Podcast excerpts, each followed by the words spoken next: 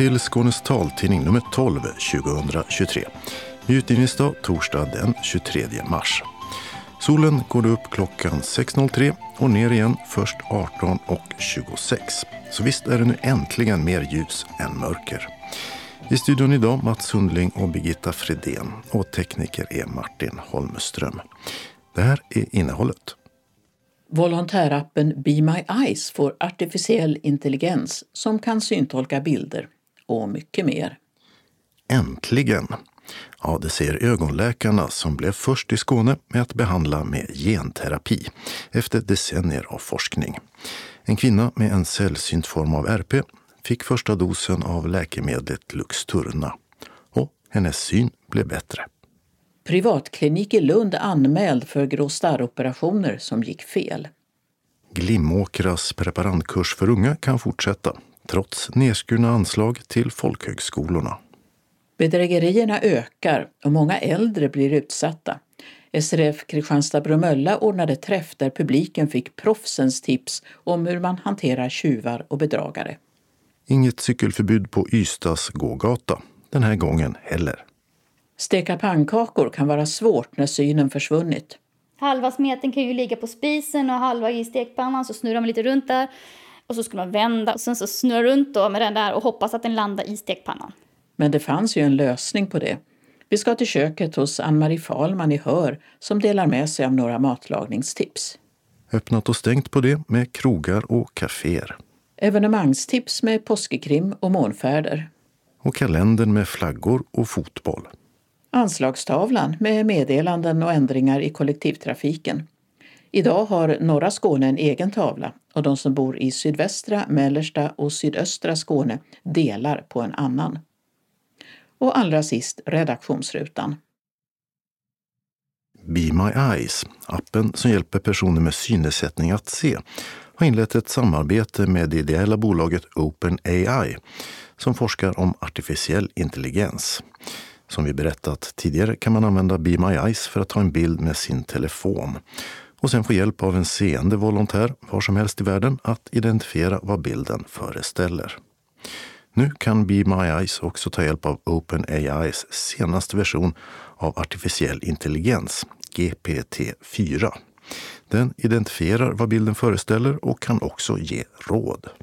Den som till exempel skickar en bild av innehållet i sitt kylskåp får inte bara veta vad som finns där, utan också vilka rätter som kan tillagas av ingredienserna och recept att följa steg för steg. Om AI inte klarar av att hjälpa till eller ger ett dåligt svar skickas frågan vidare till en mänsklig volontär.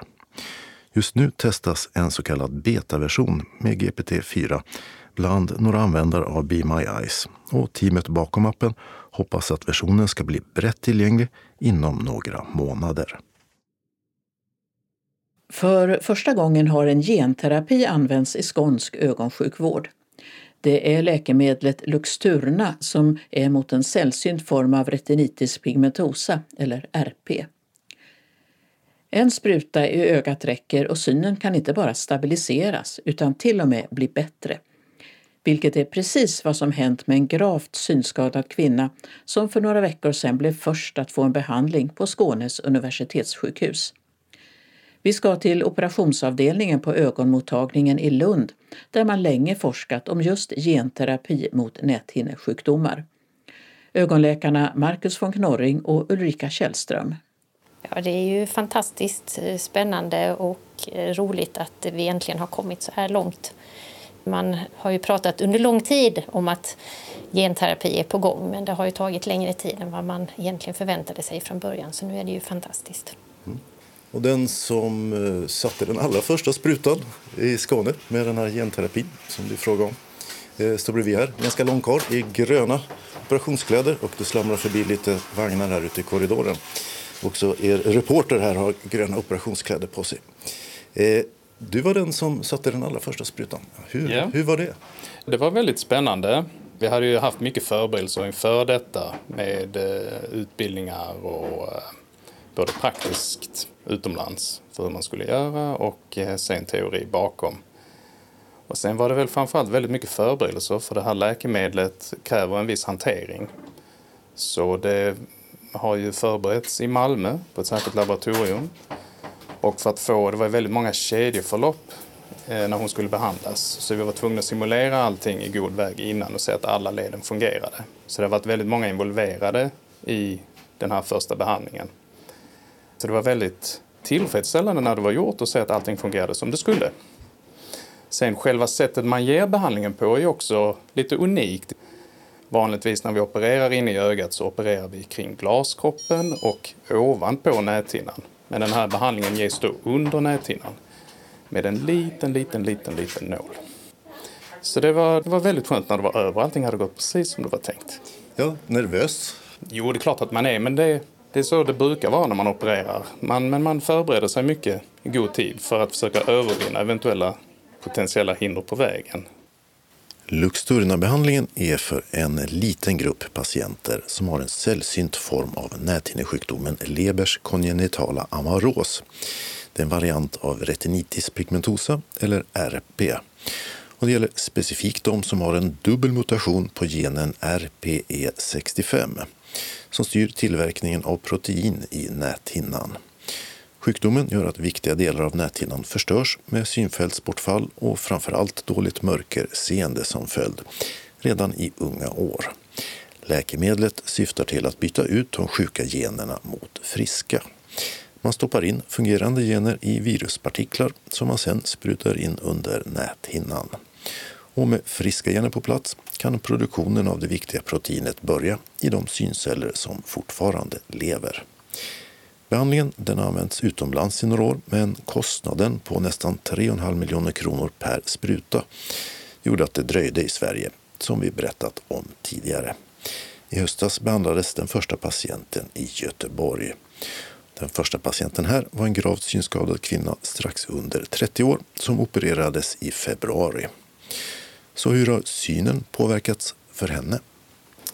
Ja, när man har så här pass allvarlig synnedsättning som de här patienterna har så brukar det ju bara röra sig om att man kan läsa några enstaka bokstäver på en synprövningstavla och väldigt nära. Ibland kan man inte urskilja några bokstäver alls men i detta fallet så var det så att patienten kunde urskilja fem, sex bokstäver, något sånt innan, på väldigt nära håll. Och nu så har antalet bokstäver som hon kan se och avståndet ökat. Och det har varit så vid flera av de här kontrollerna efter operationen. Så synen har blivit bättre? Ja, sen är det så att egentligen förväntar vi oss inte att själva synskärpan ska bli bättre.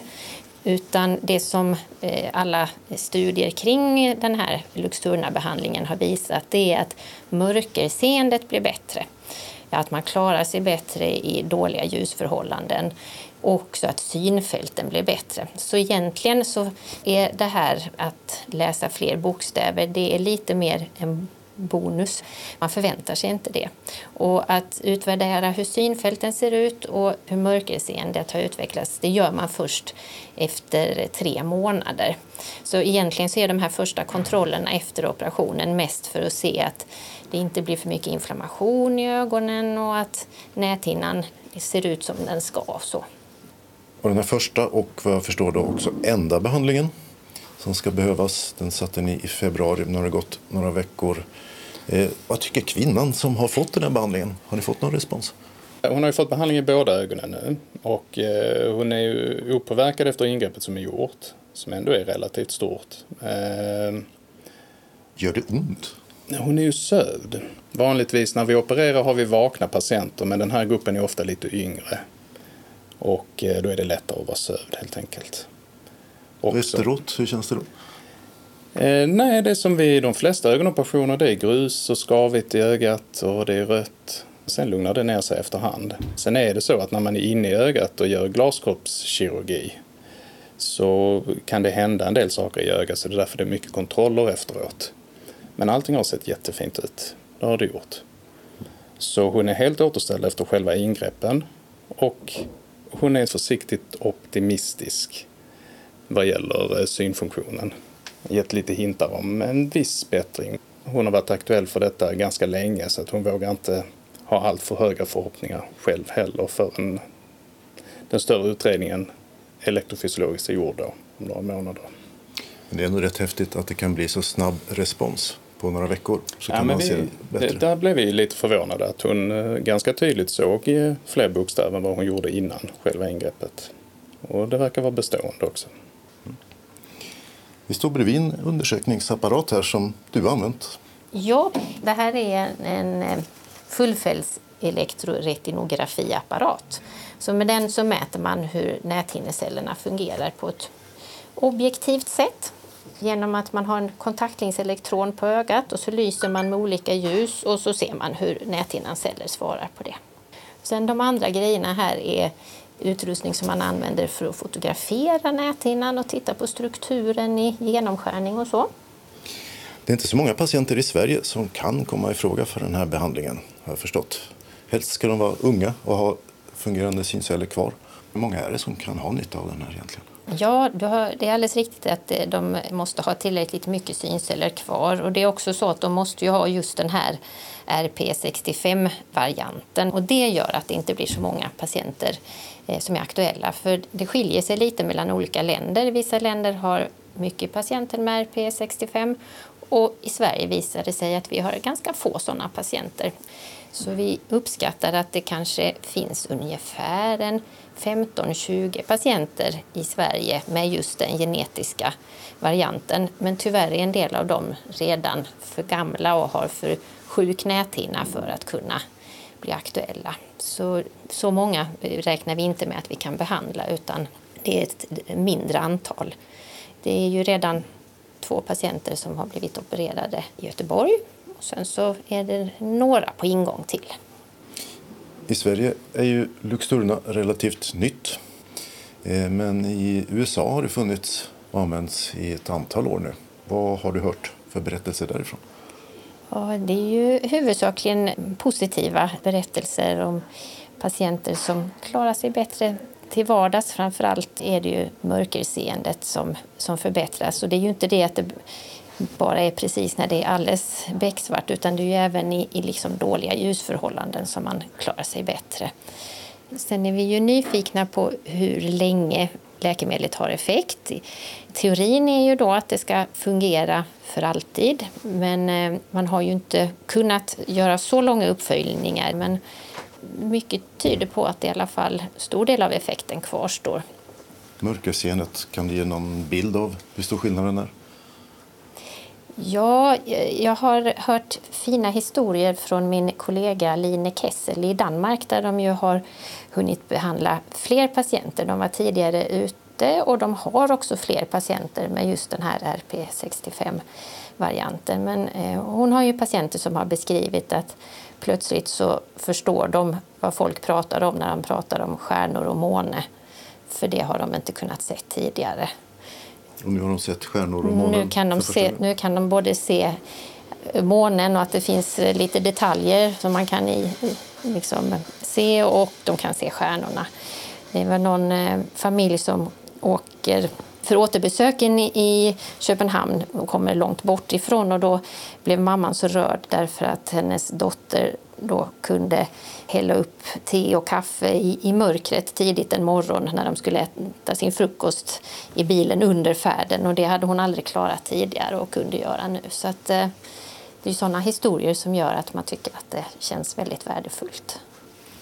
Och det här med genterapi, det är någonting som har talats om ja, sedan 80-90-talet och inte minst här i Lund, Sten Andreasson.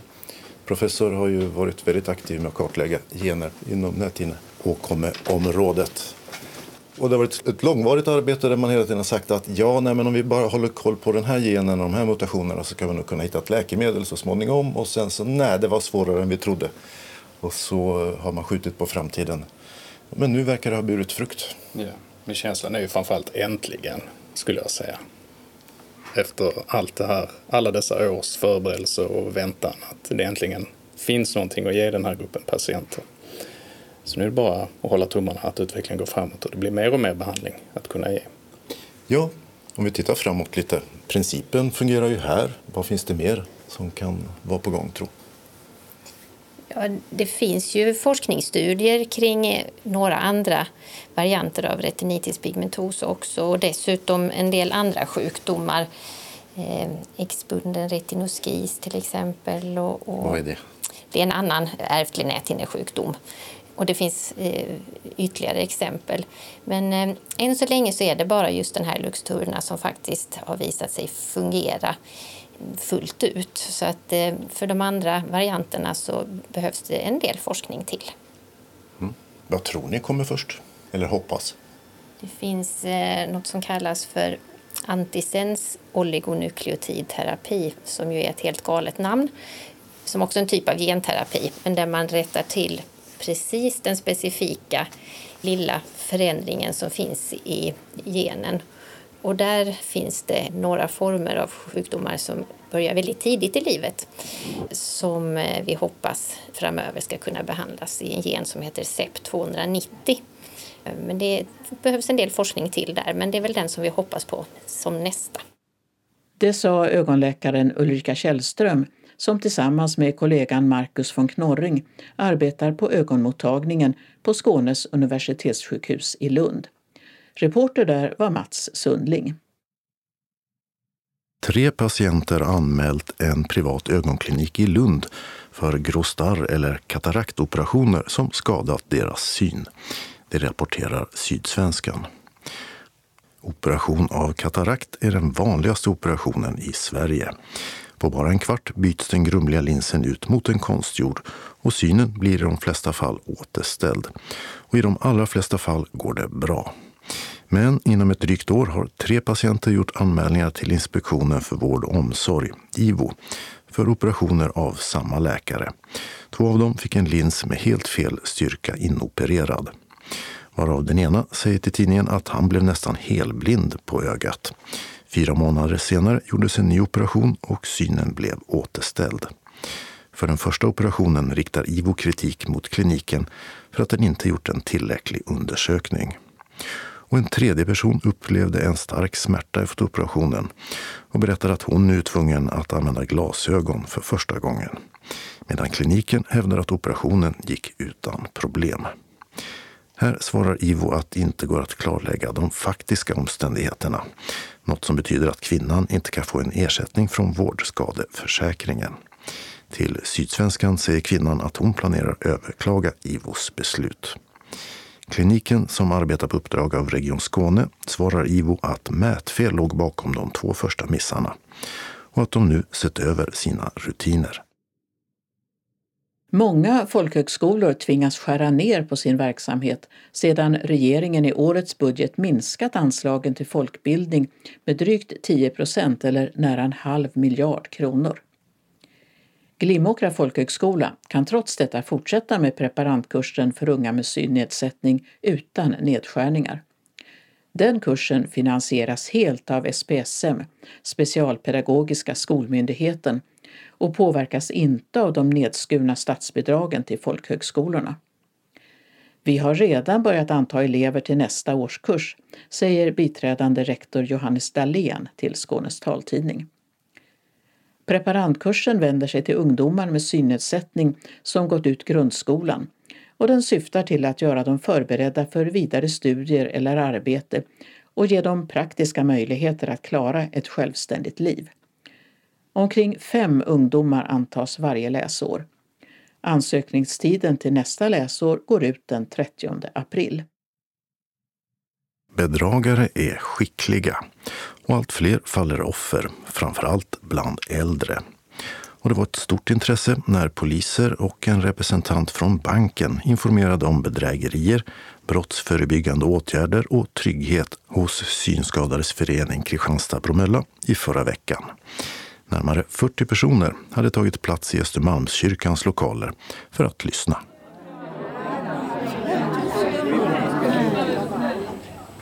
Ja, god dag och tack för att vi fick komma hit. Så här låter jag, Martin Tornell, kommunpolis här i Kristianstad. Och med mig här idag så har jag min kommunpoliskollega. Och det är jag som är Malin Sjöblom, också kommunpolis. Vi arbetar eh, brottsförebyggande. Eh, vi arbetar mer på strategisk nivå än eh, de som är våra områdespoliser eller de som eh, sitter i våra patrullbilar. Ja, och när polisen kommer till en plats I cirka en timme föreläste kommunpoliserna i Kristianstad om polisens verksamhet och framförallt handlade det om bedrägerier, där äldre ofta är en utsatt grupp, säger Malin Sjöblom. Just nu i den här kampanjen, eller vad vi ska säga, så arbetar vi mycket med information till, till de äldre. Eh, och de är ju eh, högt representerade i den typen av bedrägeri som kallas social manipulation. Och hur vanligt är det? Vi har ungefär 200 000 bedrägeribrott som anmäls årligen. Och för den äldre målgruppen eh, så är de här bedrägerierna med social manipulation vanligast. Eh, och det är ett, eh, ett växande problem med bedrägerier. Kan ni se att till exempel då synskadade är de extra utsatta? Vi kan väl inte direkt se att eh, alltså de som är synskadade skulle vara mer utsatta men däremot så kan vi ju se att från 70 år och uppåt och kanske ännu äldre från 80 år och uppåt och framförallt kvinnor är mer brottsutsatta. Så det är väldigt viktigt att vi når den här målgruppen med vår information så att vi tillsammans kan förebygga brotten. Och vad säger ni då att man kan göra? Vad är era tips? Ja, men till exempel då om man blir uppringd så kan man själv säkerställa vem det är som ringer genom att fråga och att be dem förtydliga var ringde du ifrån? Och sen så begär man att man avslutar samtalet och sen söker man upp informationen själv och kanske då motringer eller kontrollringer. Eh, är det någon från det här företaget som, som eh, har ringt upp mig? Och då ska man ju göra det på ett telefonnummer som man själv letar upp. Det vill säga inte då få ett telefonnummer från den som har ringt för då ringer man ju bara tillbaka.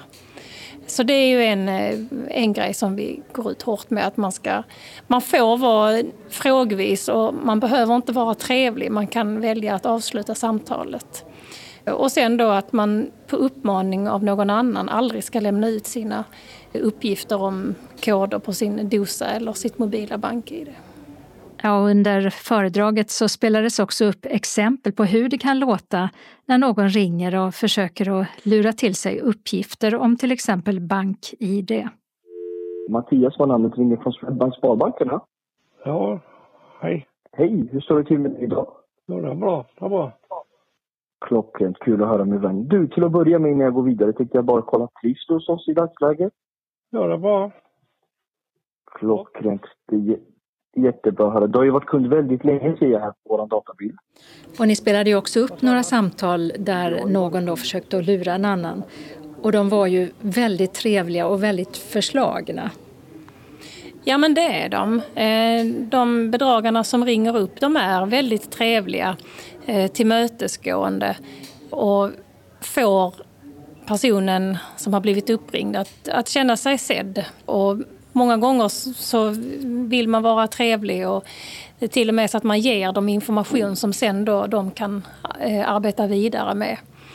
Men att man redan där, liksom, om man blir uppringd från en bank, att man tänker att skulle verkligen den här banken ringa till mig? Och är man då osäker så ska man välja att avsluta samtalet.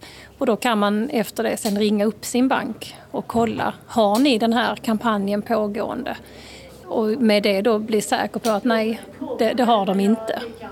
Kristina Bondesson, du är en av dem som har varit här och lyssnat på poliserna nu.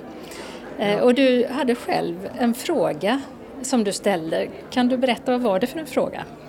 Jo, det var ju så att jag hade fått ett meddelande, ett sms.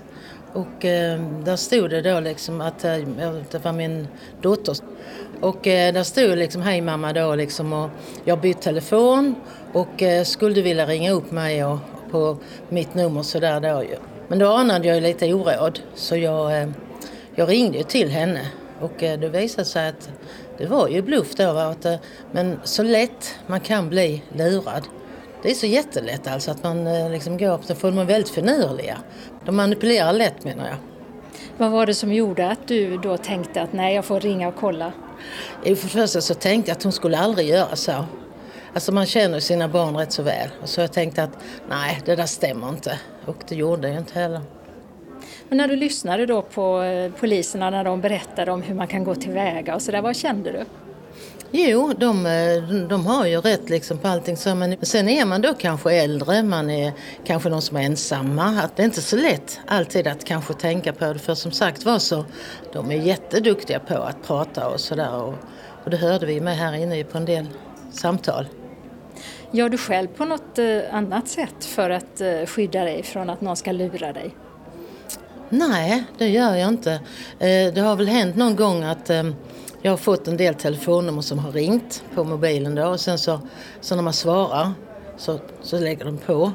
Och då tog jag kontakt med, med en av mina döttrar och så sa jag det här stämmer inte. Nej men sa hon då blockerar vi det numret så. Så att nu har jag ju, man har tillgång till mina barn och min man. Men det är ju inte alla som har tillgång till det. Är du själv orolig för att eh, någonting ska hända eller att du ska bli utsatt för något brott? Nej, faktiskt inte. Det är man ju annars. Jag som då blind är ju väldigt utsatt. Eh, det kommer någon och så. Men jag har min mobiltelefon och den, den har jag i fickan. Jag tänker mig nog för faktiskt. Jag heter Torbjörn Schorén och är vice ordförande här i Synskadade Kristianstad-Bromölla. Och det här med trygghet och eh, då senare även bank och hur man tänker ifrån banken om bedrägerier och så. Det var ett stort intresse för det. Jo, men det är det ju. Vi har ju fått mycket av våra medlemmar att de vill att både banken och polisen skulle komma hit och prata om hur man bäst skyddar sig. Så det är jättebra, för det behövs. Och hur känner du själv inför det här att bli lurad av någon eller att eh, någon kommer och stjäl din plånbok eller så? Alltså innan när jag inte var synskadad då kunde man ju, tyckte jag man kunde skydda sig bättre än vad man kan göra idag för att man är ju väldigt utsatt, speciellt när man inte ser någonting. Men jag känner ändå en trygghet för hemma har vi mycket larm och mycket sånt och fått mycket information av vår svärson då hur man ska agera när man får mejl etc. Så att man inte bara trycker. Så du känner att det här med information det gör dig tryggare? Ja, men det gör det ju definitivt och speciellt då som när polisen pratade om att är du på baksidan så stäng dörren. För det är inte så självklart att man tänker på det idag när man är hemma. Att man har låst det och så? Ja, absolut. Hej allihopa! Hej! Börjar ni bli trötta och lyssna? Lite? Ja. Åsa heter jag, kommer ifrån Sparbanken Skåne.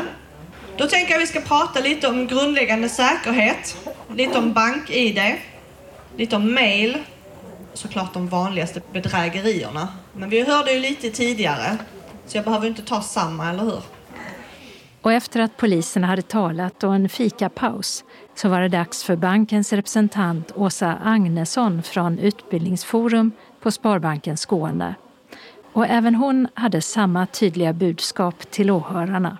Just det här med bank-id, att man aldrig legitimerar sig med det på uppmaning av någon annan. Varken bank eller någon annan myndighet ringer och eh, ber en att legitimera sig. Behöver man eh, ringa och prata med kunder, det kan man absolut göra fortfarande från banken.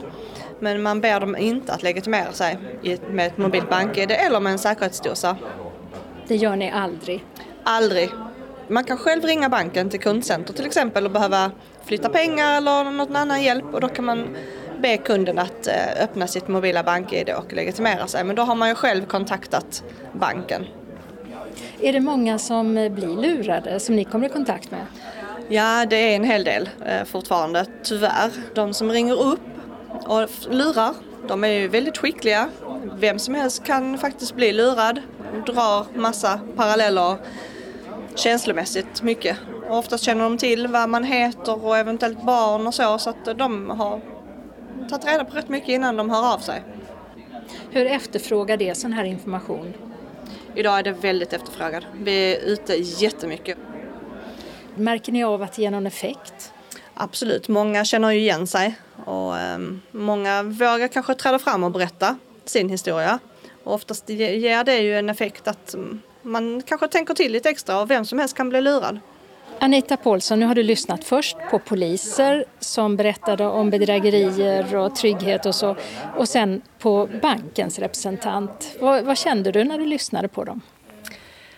Ja, man känner ju att eh, man blir väldigt eh, konfunderad över allt vad de säger.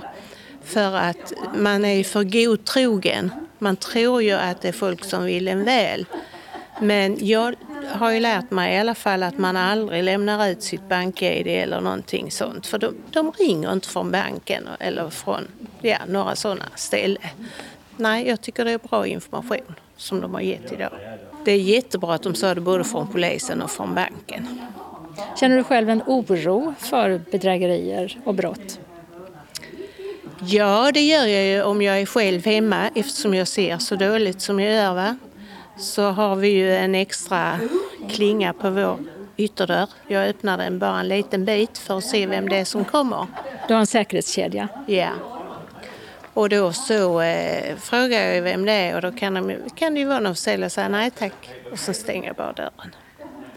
Jag ser ju inte vad det är för människor. Även om jag går ut fönster och tittar ut så ser ju inte jag vem som står på trappan så att säga. Så det, det är ju den oron man har om man skulle vara själv hemma. Mm. Sist hörde vi Anita Paulsson och reporter var Åsa Kjellman Erisi. Trots ytterligare ett försök från politikerna i myndighetsnämnden att förbjuda cykling på gågatan, Stora Östergatan i Ystad, så blir det inget cykelförbud. Även denna gång överklagades ärendet och Länsstyrelsen har beslutat att kommunen inte har tillräckliga skäl att förbjuda cykling på gågatan. Myndighetsnämndens ordförande Stefan Engdahl, Moderaterna, är besviken och säger till Ystad Allehanda att citat det är tråkigt att Länsstyrelsen inte ger oss rätt att göra det här. Vi försökte få en vettig situation med regleringen.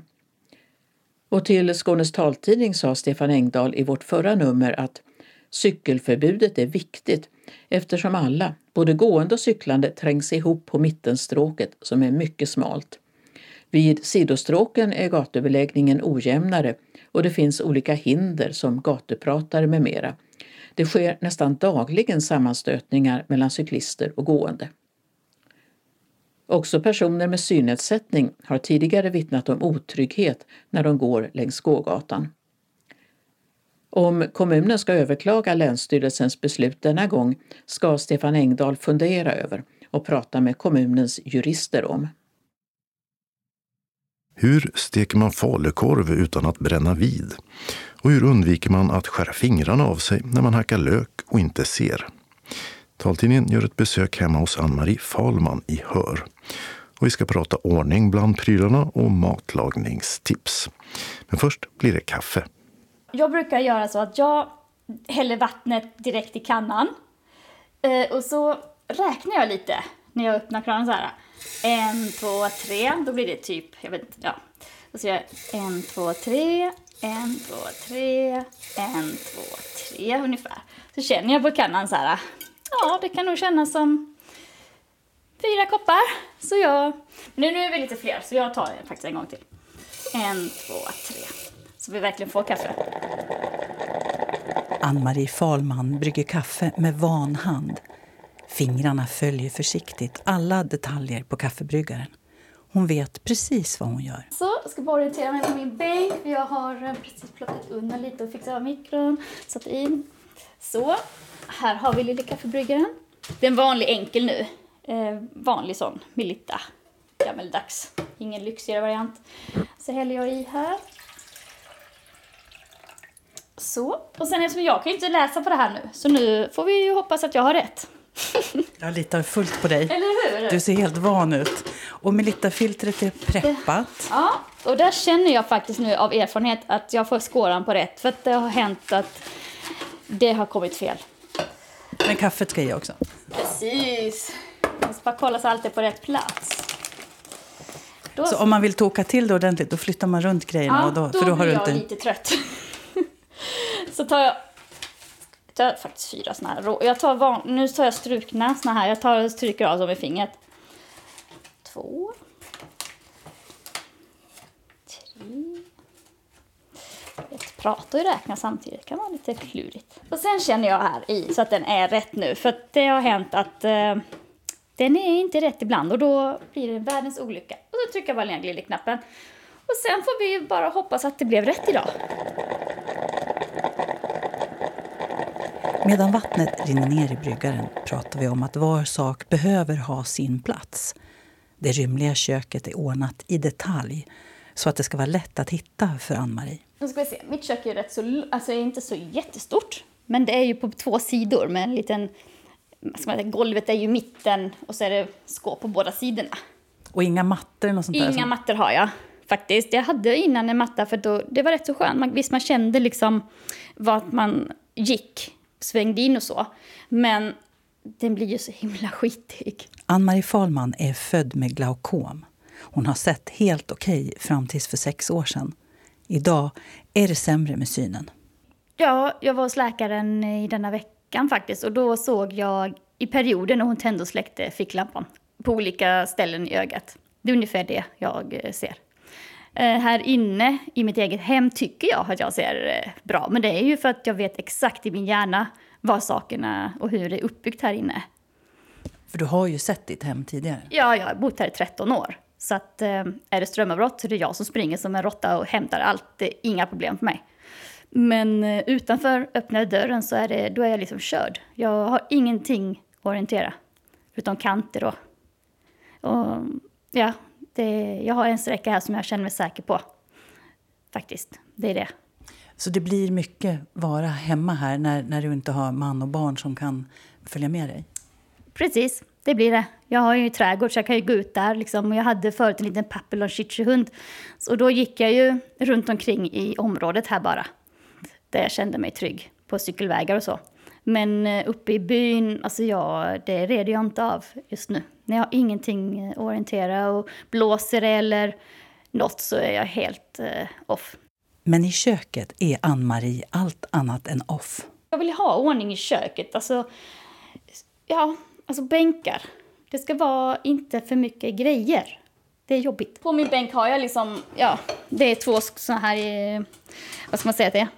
Ja, man har redskap i dem, såna plåt. Ja, just det, det här är dina stekredskap. Ja, precis. Och i vanliga fall så brukar jag ha slevar i den ena och stekspaden och så har jag slickepottar och sånt i den ena. Men nu är det lite virrvarr, men eh, så är det. Är det någon som har stökat till? Ja, men det får vara så. Ja. Och eh, sen har jag kryddor direkt till höger, för de jag använder mest har jag här. Det blir många ensamma timmar hemma i huset när mannen arbetar och barnen som fortfarande bor hemma är i skolan. Öva på datorn gör Ann-Marie varje dag och laga mat. Men det finns en del matlagning som kräver tålamod. Det är det här med att steka som jag har kommit på nu, att det är lite jobbigt. Som att steka falukorv till exempel. Den är inte så lätt.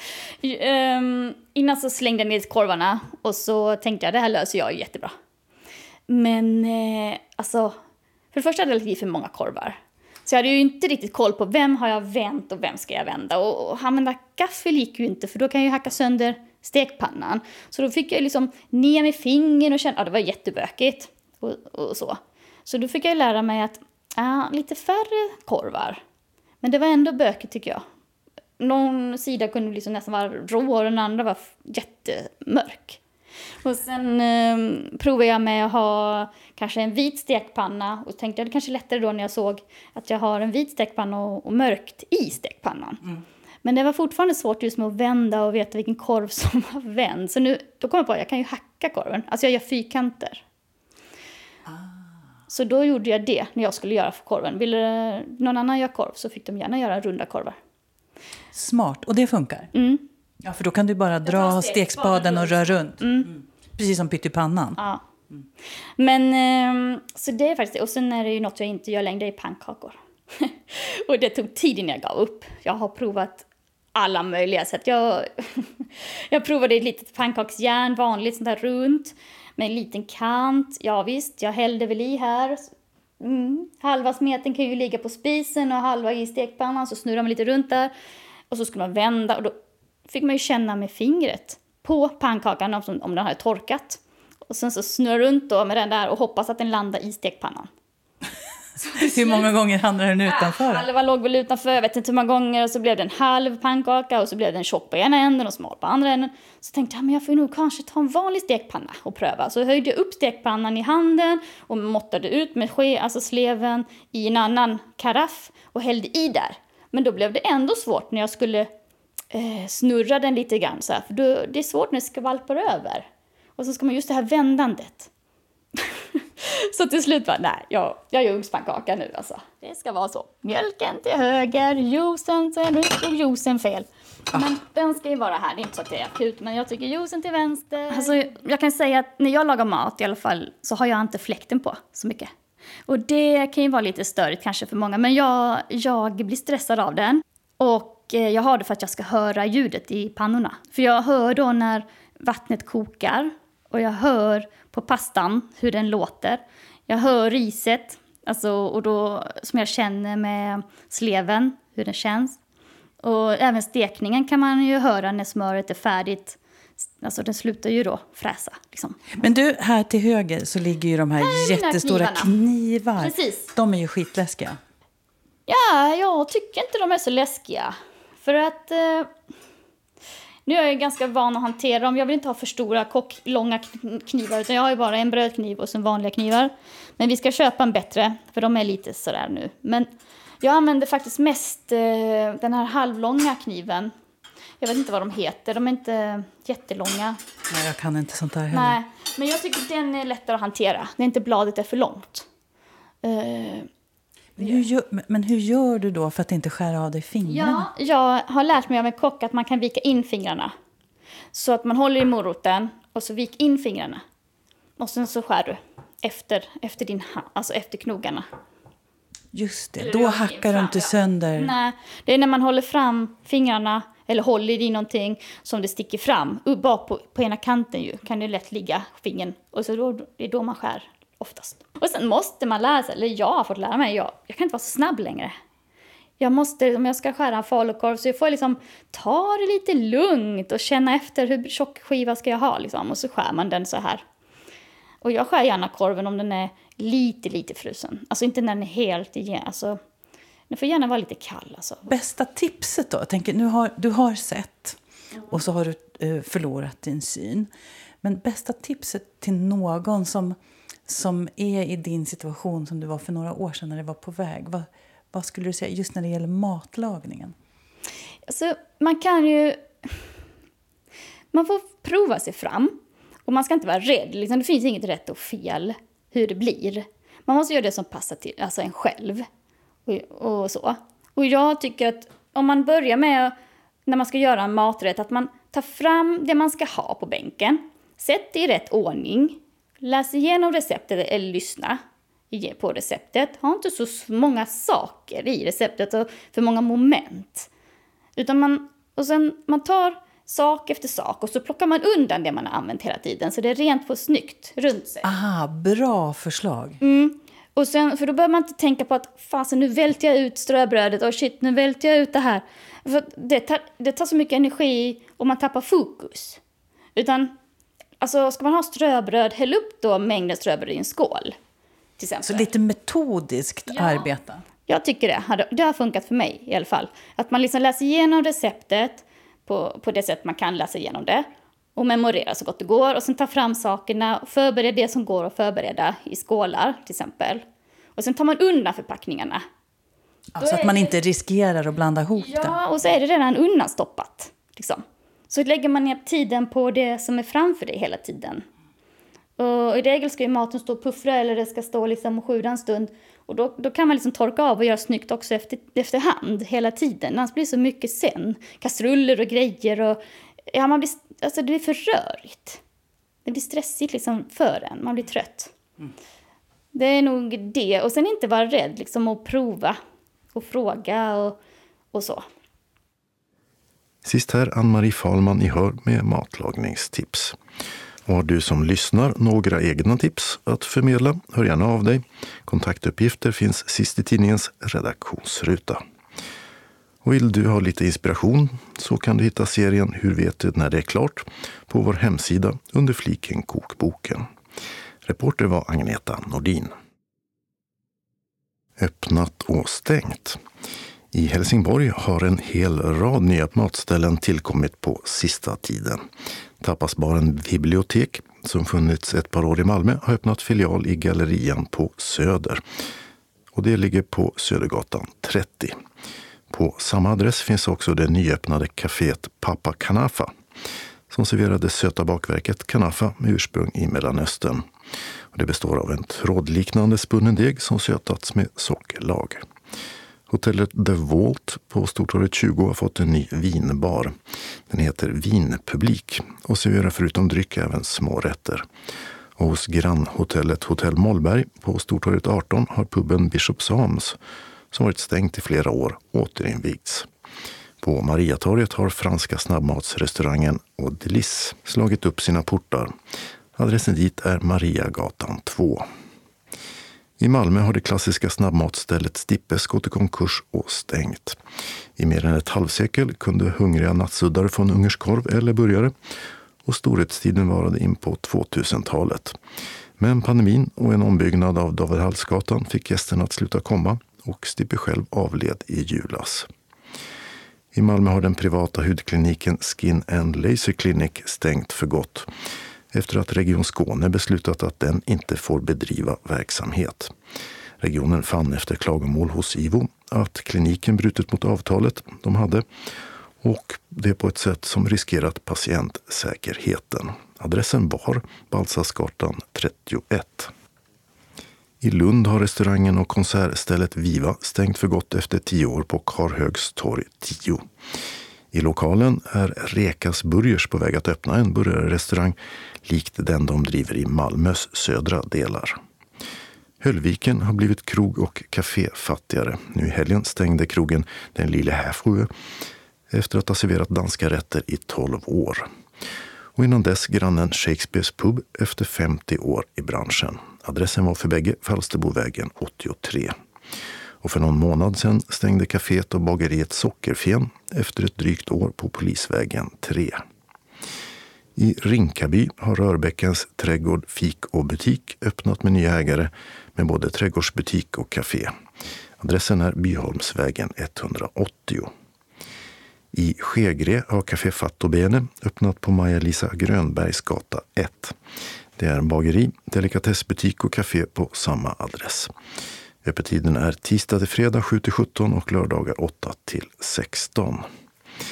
I Kristianstad har gymkedjan Just Gym öppnat sin första skånska filial på Rörvägen 18. Och den 29 april planerar kedjan att öppna ett gym även i Trelleborg, då på Nygatan 26. Och i Kristianstad har Röda Korset stängt sin second hand-butik på Västra Storgatan 51 och flyttat till nya lokaler på Östra Vallgatan 19 där nyöppningen planeras till slutet av april.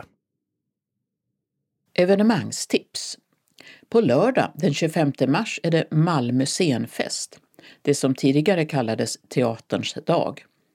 Över 20 teatrar och grupper medverkar. Det är fri entré överallt och det går inte att förhandsboka biljetter. Invigningen äger rum på Bastionen, Norra Vallgatan 28 klockan 10. Fullständigt program finns på hemsidan malmoscenfest.se program 2023. Monday Night Big Band och den danska sångerskan Sinne Eg gör en hyllningskonsert till Thad Jones och Monica Zetterlund på Palladium i Malmö lördagen den 25 mars klockan 19. Konserten är tre timmar inklusive paus. Biljetter för 350 kronor, 300 för pensionärer och studenter, säljs av Kulturcentralen. I Lund kan man följa med till seniorboendet Panterhemmet en föreställning som utspelar sig just på ett boende för äldre. Damer i mogen ålder diskuterar väsentligheter som appar, lappskojs och Harry Potter. För föreställningen står Teater Trots som funnits sedan 2004 och utgörs av just kvinnor mellan 70 och 90 år. Spelplatsen är Stenkrossen på Kastanjegatan 13 och föreställningen ges lördag 25 mars klockan 15 söndag 26 mars klockan 15, fredag 31 mars klockan 18 lördag 1 april klockan 15 och söndag 2 april klockan 15. Biljetterna kostar 120 kronor, 60 för barn under 15 och beställs via sms till 070 347 6443 eller e-post till mona.frick snabelatelia.com. Man kan också köpa dem i kassan före varje föreställning. Kristianstad stadsmusikkår fyller 90 år. Jubileumskonserten med musik från marsch till ballad hålls i Kulturkvarterets stora sal lördagen den 25 mars klockan 16. Monja Sjöström är sångsolist. Biljetterna kostar 200 kronor. Sångerskan Amanda Ginsburg spelar i Teatersalen i Dunkers kulturhus i Helsingborg lördagen den 25 mars klockan 20 till 21.30. Biljetter för 395 kronor hos Ticketmaster eller Dunkers biljettkassa. Bjärnums kasinogäng har premiär på årets föreställning Håller låda lördagen den 25 mars klockan 18 till 20.20 i Röda salongen i Hässleholms kulturhus. Den spelas sedan totalt 16 gånger med sista föreställning den 22 april. Nortic säljer biljetter från 200 kronor. Människans bästa vän är en poetisk komedi om en gammal dam och hennes bästa vän som väntar i en tömd lägenhet på att slussas vidare till äldreboendet respektive hemmet för herrelösa hundar. Men de tänker inte ge sig utan strid. Smålands musik och teater med Åsa Arhammar och Kalle Malmberg gör en föreställning med smäktande jazz, evergreens och en och annan vals. På Ystad teater söndagen den 26 mars klockan 15 till 16.45. Ystad Visitor Center och Eventim säljer biljetter för mellan 175 och 350 kronor. Scenpass och lustkortsrabatt gäller. Den samiska författaren Linnea Axelsson kommer till biblioteket i Båstad för ett samtal måndagen den 27 mars klockan 18 till 19. Fri entré. Påskekrim är en norsk sedvänja som innebär att alla tar med sig en trave deckare till sina hytter under påsklovet. Den som vill göra detsamma här hemma kan få tips på nya deckare på Kirsebergsbiblioteket i Malmö tisdagen den 28 mars klockan 18 till 19. Det är gratis, men man ska anmäla sig till biblioteket. Den som hellre ägnar påsken åt trädgårdsarbete kan få en mängd tips av Filip Johansson på Husiebiblioteket samma kväll, den 28 mars klockan 19. Filip Johansson hoppade av en chefskarriär inom IT-branschen och flyttade till en gård där han började odla, något han berättar om i boken Trädgårdshacks. Även här gäller fri entré och förhandsanmälan till biblioteket. Tisdagen den 28 mars kommer TV4s utrikeskorrespondent Therese Kristiansson till Katrinetorps landeri i Malmö för att ge en inblick i en krigsreporters vardag. Hon kommer att fokusera på hur krig slår mot civila och hur utvecklingen i Ukraina även påverkar andra länder. Föreläsningen pågår mellan 18 och 20 och i entréavgiften, 300 kronor, ingår kaffe och macka i pausen. Man anmäler sig till Studieförbundet Vuxenskolan, telefon 040 10 01 60. I Simrishamn är det havsdagar. Bland annat arrangeras två föreläsningar om hur Östersjön mår på Simrishamns bibliotek. Tisdagen den 28 mars talar hållbarhetsstrateg Mattias Müller om kommunens arbete med havsfrågor och onsdagen den 29 mars berättar Josefin Larsson och Madeleine Lundin om Marint centrum. Båda dagarna klockan 17. Fri entré men föranmälan till biblioteket. Rymdexperten Ulf Berggren föreläser om månfärder och rymdstationen ISS på Genarps bibliotek onsdagen den 29 mars klockan 18 till 19.30. Föreläsningen ingår i programserien Gränser som tar upp både inre och yttre gränser, osynliga och tydliga. Gårdstånga Holmby föreläsningsförening ordnar en föreläsning med deckarförfattaren Tina Fränstedt i församlingshemmet i Flyinge onsdagen den 29 mars klockan 19.15. Tina Fränstedts deckarserie Cold Case utspelar sig i Skåne. Är man inte medlem i föreningen kostar det 30 kronor. Skådespelerskan och numera författaren Eva Fröling besöker Lunds stadsbibliotek torsdagen den 30 mars för ett samtal med bibliotekarien Cecilia Lindgren klockan 18 till 19. Det är fri entré och ingen föranmälan. Lunds akademiska kör gör nedslag i filmhistorien i Universitetshuset i Lund torsdagen den 30 mars klockan 19-20. Fri entré. Torsdagen den 30 mars klockan 19.30 kommer Helen Sjöholm tillsammans med pianisten Rickard Nilsson till Kulturkvarteret Kristianstad för att framföra musik från Kristina från Duvemåla till senaste skivan En ny tid. Bäst före, en föreställning om åldrande och vad vi kan göra åt det med artisten, låtskrivaren och läkaren Henrik Widegren, känd från Fråga Lund, är ute på turné i Skåne spelas i Kulturhuset Anders i Hör torsdagen den 30 mars. Ravinens kulturhus i Båstad torsdagen den 13 april. Konsertsalen i Dunkers kulturhus i Helsingborg fredagen den 14 april. Landskrona teater torsdagen den 20 april. Malmö Live fredagen den 21 april och Hässleholms kulturhus onsdagen den 26 april. Alla dagar klockan 19 till 20.15. Biljetter för 295 kronor säljs av Biletto, utom i Landskrona där man vänder sig till Tixter. Lördagen den 1 april öppnar Glimmingehus i Hammenhög för säsongen och det firar man med narrvisningar både lördag och söndag klockan 12. En del av det guiden berättar kommer att vara lurendrejeri och man stämmer av på vägen för att se om publiken kan pricka in vad som inte är sant.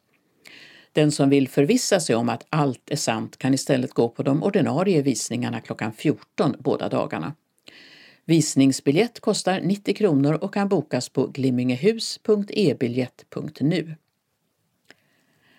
Den 10 november spelar den amerikanske tenorsaxofonisten Scott Hamilton tillsammans med pianisten Jan Lundgren på Palladium i Malmö. Biljetterna säljs av Kulturcentralen och går redan så här långt i förväg åt i rask takt. Biljettinformation Ticketmaster 077 170 70 70 Nortic 0455 619700 Tixter 0771 477070 Eventim 0771 65 10 00 Dunkers biljettcentral 042 10 74 00. Kulturcentralen 040 10 30 20. Kirsebergsbiblioteket 040 660 8525. Kulturkvarteret i Kristianstad 0709 20 58 04. Ystad Visitor Center 0411 577681. Simrishamns bibliotek 0414 819300. Husiebiblioteket 040 660 8536. Och Biletto har hemsidan biletto.se. Kalendern för vecka 13 2023 börjar med måndagen den 27 mars då Rudolf och Ralf har namnsdag. Den gemensamma parlamentariska kontrollgruppen för Europol, EUs byrå för brottsbekämpning, träffas i Stockholm för att bland annat diskutera kampen mot organiserad brottslighet och människohandel. Sverige möter Azerbajdzjan i kvalet i fotbolls-EM i Tyskland nästa år. Matchen spelas på Friends Arena. Det är Världsteaterdagen som uppmärksammar teaterkonstens roll för människor över hela världen. Tisdagen den 28 mars gratulerar vi Malcolm och Morgan. I riksdagen är det interpellationsdebatt där bland annat socialdemokraten Jessica Rodén frågar äldreminister Anna Tenje om vad hon tänker vidta för åtgärder för att personer med funktionsnedsättningar som enbart lever på sjuk eller aktivitetsersättning, hur de ska kunna klara den ekonomiska krisen. Energi och näringsminister Ebba Busch far till Bryssel för att leda Energirådets möte. Onsdagen den 29 mars arrangerade svenska EU-ordförandeskapet en tvådagarskonferens om hur man ska motverka och förebygga människohandel för sexuella ändamål. Även drottning Silvia deltar i konferensen som samlar internationella aktörer, regeringsexperter och experter från civilsamhället i och utanför Europa. I riksdagen debatteras och beslutas i en rad olika frågor. Bland annat en moderat motion om att den skånska rödgula flaggan ska få användas i officiella sammanhang i Skåne. Den brittiske komikern Eric Idle, medlem av Monty Python-gruppen, fyller 80 år. Han är exakt jämngammal med Storbritanniens förre premiärminister John Major från Torypartiet. Det är Jonas och Jens som har namnsdag. Torsdagen den 30 mars är det flaggdag på Åland för att högtidlighålla ögruppens demilitarisering och neutralisering. Det är den internationella bipolärdagen för att uppmärksamma en sjukdom som drabbar ett par procent av befolkningen. Holger och Holmfrid har namnsdag. Fredagen den 31 mars gratulerar vi Ester och Nora. Den amerikanske demokratiske politikern Al Gore fyller 75 år. Han var Bill Clintons vicepresident. 2007 fick Gore tillsammans med FNs klimatpanel Nobels fredspris för arbetet med att sprida kunskap om den människoskapade klimatpåverkan. Det är världsbackupdagen som påminner om vikten av att backa upp den information man har i telefoner och datorer. The Ark-gitarristen Martin Axén fyller 50 år. Lördagen den 1 april är det Harald och Hervor som har namnsdag. Malmö FF inleder fotbollsallsvenskan med match mot Kalmar FF på hemmaplan. I Iran är det nationaldag till minne av att ayatollah Khomeini utropade landet till republik och sig själv till ledare, detta datum sedan shahen störtats 1979. För 70 år sedan utexaminerades den första manliga sjuksköterskan i Sverige. Journalisten, författaren och populärhistorikern Herman Lindqvist fyller 80 år. Och så gäller det ju att vara alldeles extra källkritisk denna dag. Den 1 april är det ju tillåtet att luras. Söndagen den 2 april inleds stilla veckan inför påskhelgen med palmsöndagen som i den kristna världen firas till minne av Jesus triumfatoriska intåg i Jerusalem. I Finland hålls riksdagsval med NATO-frågan bortförd från dagordningen eftersom Turkiet förra veckan beslutade att godkänna Finlands ansökan. Men energi, statsskuld och kriget i Ukraina finns kvar. Även i Bulgarien är det parlamentsval och det är för femte gången på två år.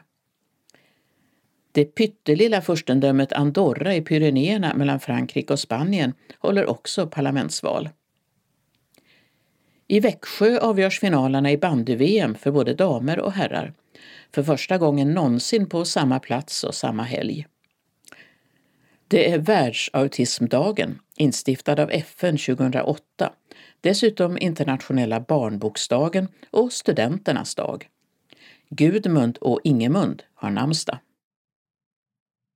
Anslagstavlan som idag är delad i två editioner.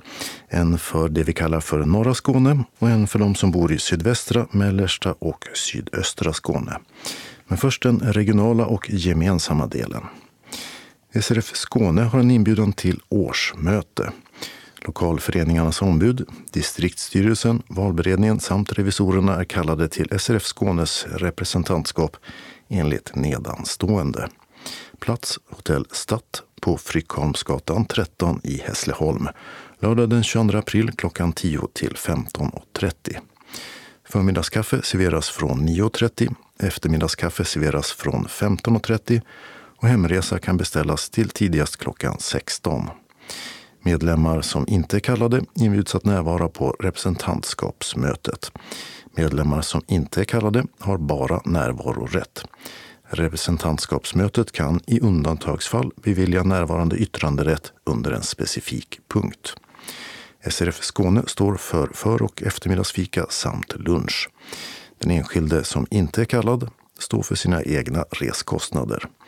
Den som önskar delta måste anmäla detta till SRF Skånes kansli på telefon 040-777 75 eller via e-post till skane srf.nu senast den 4 april.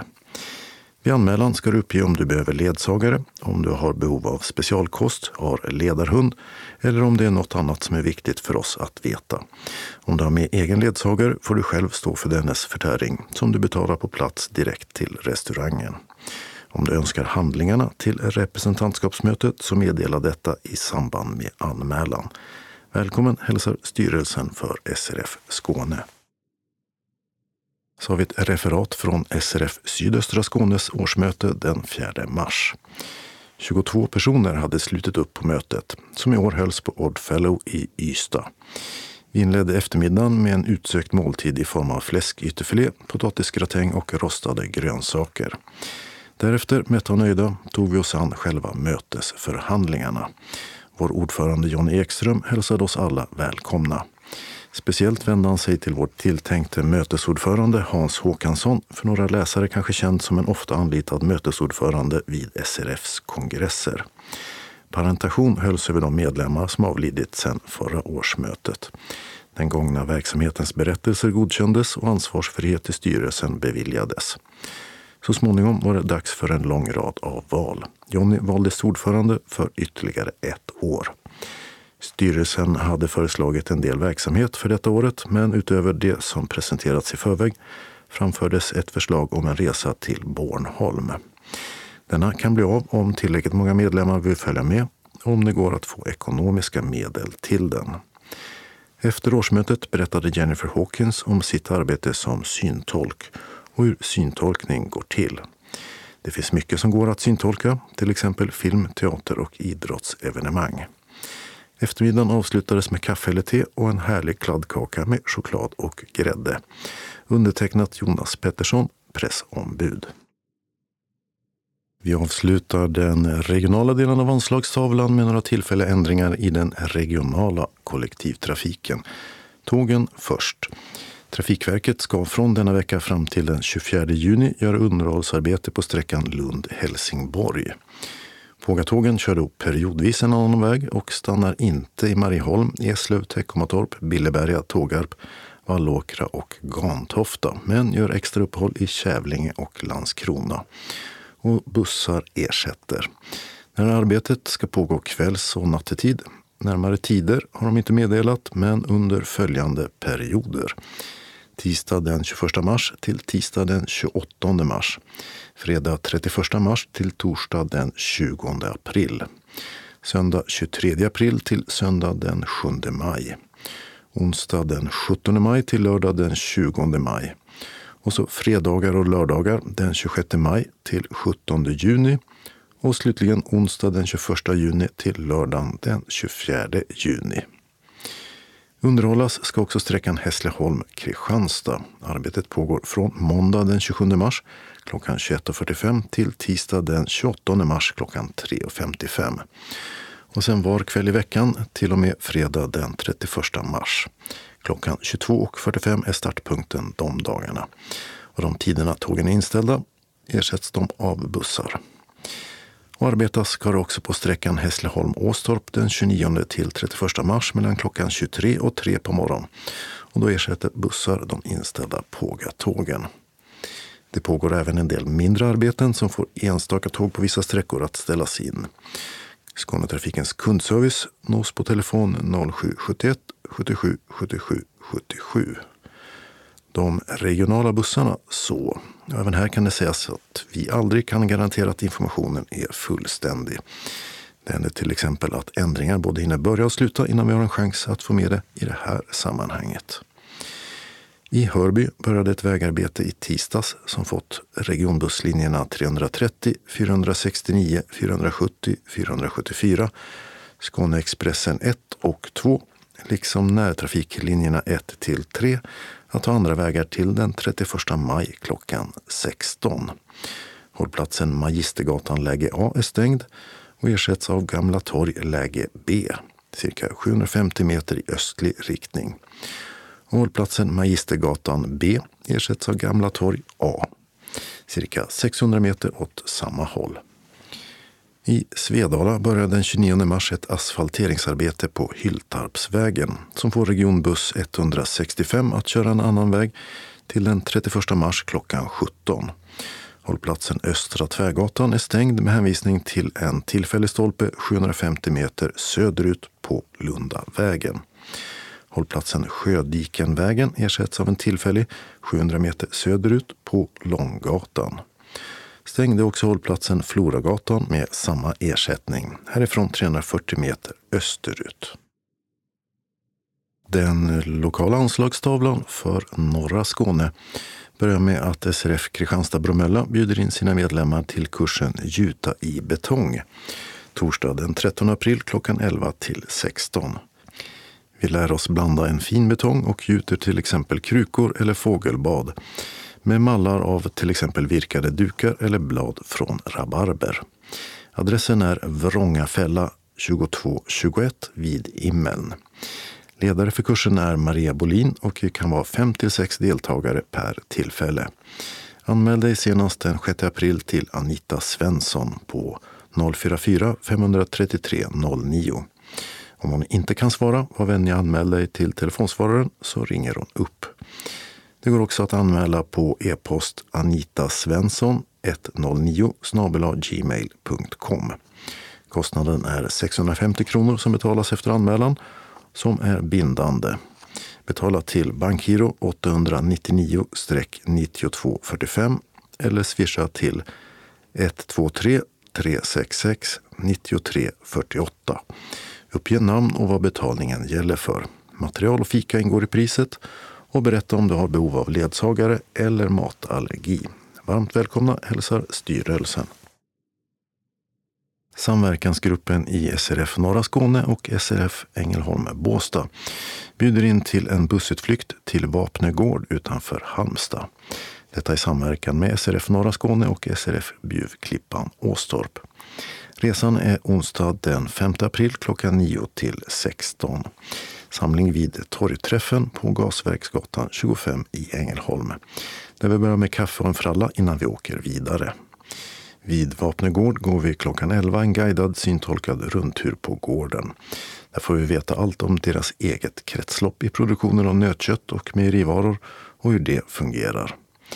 Därefter avnjuter vi lunch på gårdens eget nötkött och efter det kaffe och kaka. Sen blir det en syntolkad tur i deras egen gårdsbutik. Där det går bra att shoppa loss om man vill. Sen vänder vi hemåt igen. Åter klockan 16 cirka. Anmäl er senast den 26 mars till SRF Norra Skånes Anna-Lena Pekkele på 070-36 00 647 eller e-post alp.ledarhund gmail.com eller till SRF Bjuvklippan Åstorps Bjarne Kristensen på 070-518 40 17 e-post brosengard med två an 55 outlook.com eller till SRF Ängelholm Båstads Marie Nilsson 070-914 40 58 e-post marie.nilsson74 gmail.com. Meddela eventuell specialkost om du behöver ledsagare eller ta med en egen. Din ledsagare förväntas i så fall ledsaga två synskadade. Kostnaden för utflykten är 300 kronor och det är samma pris för ledsagare. Välkommen hälsar styrelsen för Ängelholm Båstad. Samverkansgruppen för SRF Norra Skåne bjuder också in till en resa till Almåsa den 23 till 25 maj. Kära medlemmar i SRF Norra Skåne, SRF Bjuv Klippan Åstorp och SRF Ängelholm Båstad. Välkomna att följa med på en bussresa som tar oss via Jönköpings läns museum där vi besöker John Bauer-utställningen som är syntolkad. Vi äter lunch före eller efter besöket. Därefter beger vi oss till Stockholm och SRFs konferensanläggning Almåsa som ligger ute efter Horsfjärden. På kvällen avnjuter vi en trerätters middag. Den 24 maj efter frukost blir det en guidad tur runt Almåsa och vi får information om hur det ser ut och vad anläggningen har att erbjuda oss synskadade. Efter promenaden blir det gott med lunch. På eftermiddagen åker vi med bussen in till Riksförbundet för att få information om vad Iris hjälpmedel och insyn har för hjälpmedel att visa upp. De bjuder på eftermiddagskaffe.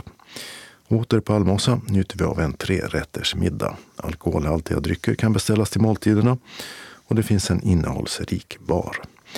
Under någon av kvällarna kanske det kan bli någon överraskning. Almosa erbjuder både gym, bastu och för den som vill kan man ta en simtur i bassängen. Om vädret tillåter kan vi bada ute mellan två bryggor med rep mellan så att vi inte simmar ut i Horsfjärden. 25 maj efter frukost så vänder vi hemåt med avbrott för lunch någonstans efter vägen. Deltagarkostnaden är 1500 kronor per person för del i dubbelrum. Meddela om du har någon du vill dela rum med. Önskar du enkelrum kostar det 600 kronor extra. Meddela om du behöver ledsagare och om du har någon allergi. Vi kommer att begränsa ledsagarantalet och varje ledsagare måste hjälpa två till tre personer. Plats och tid när bussen hämtar upp återkommer vi med, liksom med betalning för er som anmält er. Anmälan är bindande och bör ske snarast eller senast den 27 mars till samma personer som i den förra inbjudan. Hjärtligt välkomna hälsar samverkansgruppen SRF Norra Skåne. SRF Västra Skåne inbjuder till onsdagsträffen med påskbingo. Den 5 april klockan 13 till 15.30 i SRFs lokal på Vaktgatan 3 i Helsingborg. Bingobrickorna kostar 10 kronor och fikat 40 kronor. Äntligen dags för påskbingo. Det blir en smörgås med ägg och sill samt påskbakelse. Bingovinsterna har påsktema. Om du inte står på den fasta listan och vill ha fika är sista anmälningsdag fredag den 31 mars klockan 12 till kansliet. Telefonen 042 15 83 93 eller e-posta srf vastraskane srf.nu. Du behöver bara meddela om du inte kan komma om du står på den fasta listan. Välkommen! SRF Ängelholm Båstad hälsar alla medlemmar välkomna till öppet hus på torgträffen på Gasverksgatan 25 i Ängelholm klockan 14 till 16. Onsdag den 29 mars blir det föreläsning av ABF om beredskap. Onsdag den 26 april troligtvis kommer en ögonläkare och pratar om gula fläcken.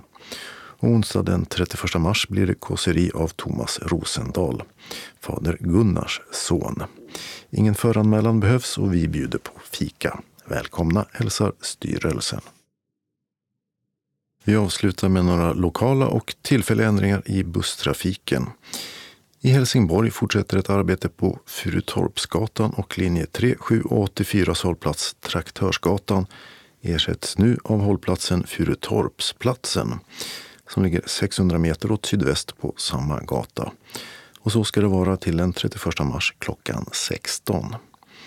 I Helsingborg stänger måndag den 27 mars Stadsbuss 7 hållplats Långeberga A vid ICA och ersätts av en stolpe vid infarten från Långebergavägen ända till den 19 maj klockan 16. Så den lokala delen av anslagstavlan för sydvästra, mellersta och sydöstra Skåne. Först några inbjudningar från SRF Malmö Svedala och allra först till dagverksamheten.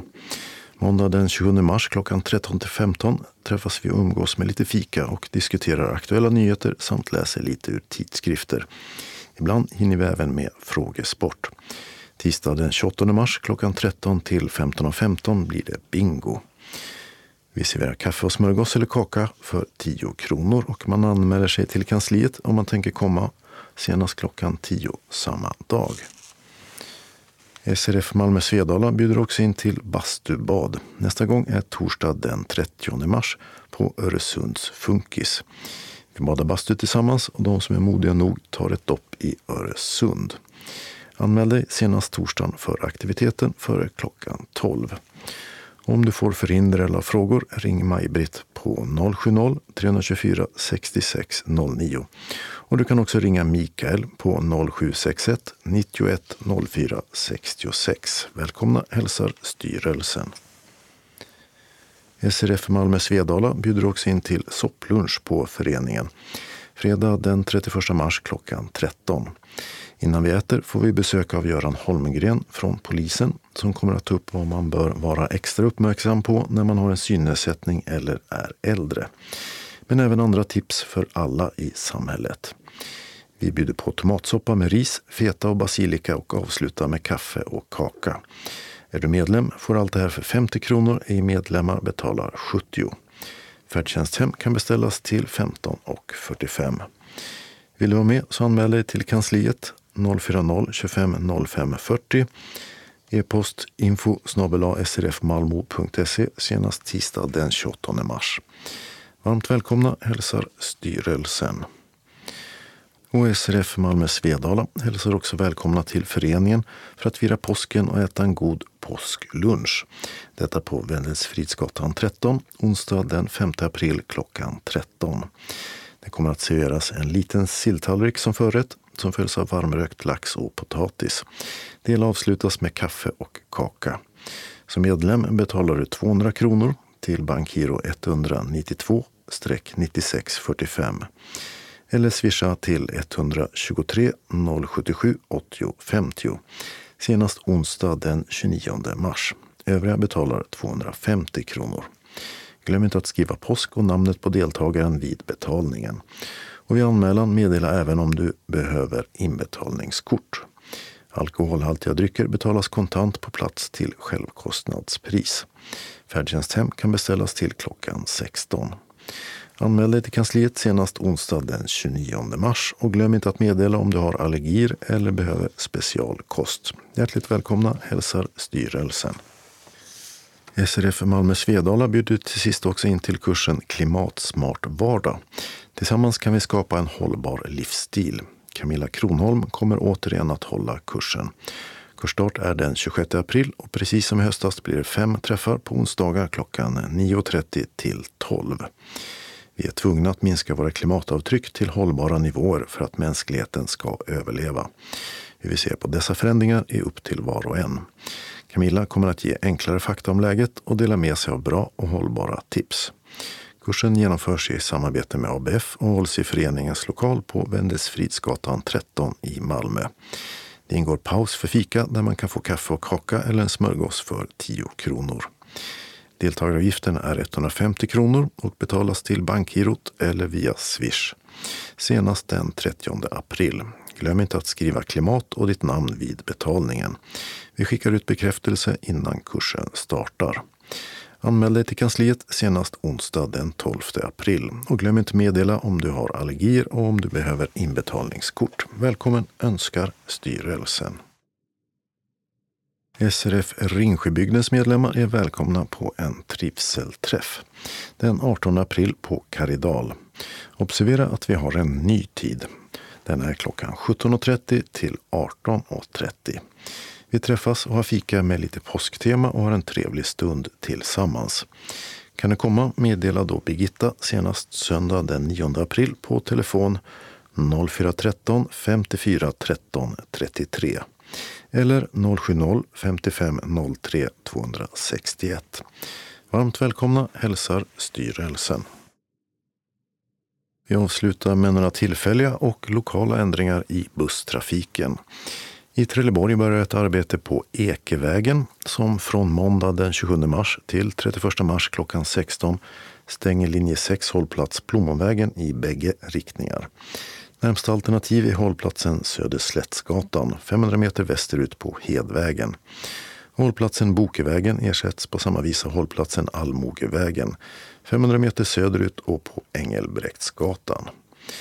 I Malmö började i måndags ett arbete på Topplocksgatan och stadsbuss 6 hållplats Ventilgatan läge A ersatt av en stolpe på Kamaxelgatan 200 meter österut. Hållplatsen Ventilgatan B ersätts av en på Vevaxelgatan 300 meter norrut. Och Toftanäs läge A är stängd och ny ändhållplats blir en tillfällig i vändzonen på Vevaxelgatan 200 meter österut. Och så ska det vara där till den 14 april klockan 15. Och i Malmö flyttar stadsbuss 1 hållplats Möllevägen, läge A, 50 meter bakåt den 28 mars, men bara mellan klockan 9 och 14. Och med det beskedet var det dags att sätta punkt för veckans Skånes taltidning. Nästa nummer nästa torsdag den 30 mars. Skånes taltidning ges ut av Region Skånes psykiatri och habiliteringsförvaltning. Ansvarig utgivare är Martin Holmström. Postadress Jörgen Ankersgatan 12, 211 45 Malmö. Telefon 040-673 0970. E-post Skanes taltidning snabela skane.se och hemsida skanestaltidning.se. Observera att CD-skivorna inte ska skickas tillbaka till oss. Såväl skivor som kuvert kan läggas i brännbara sopor när ni inte längre vill ha dem. Vi hörs igen. Hej då!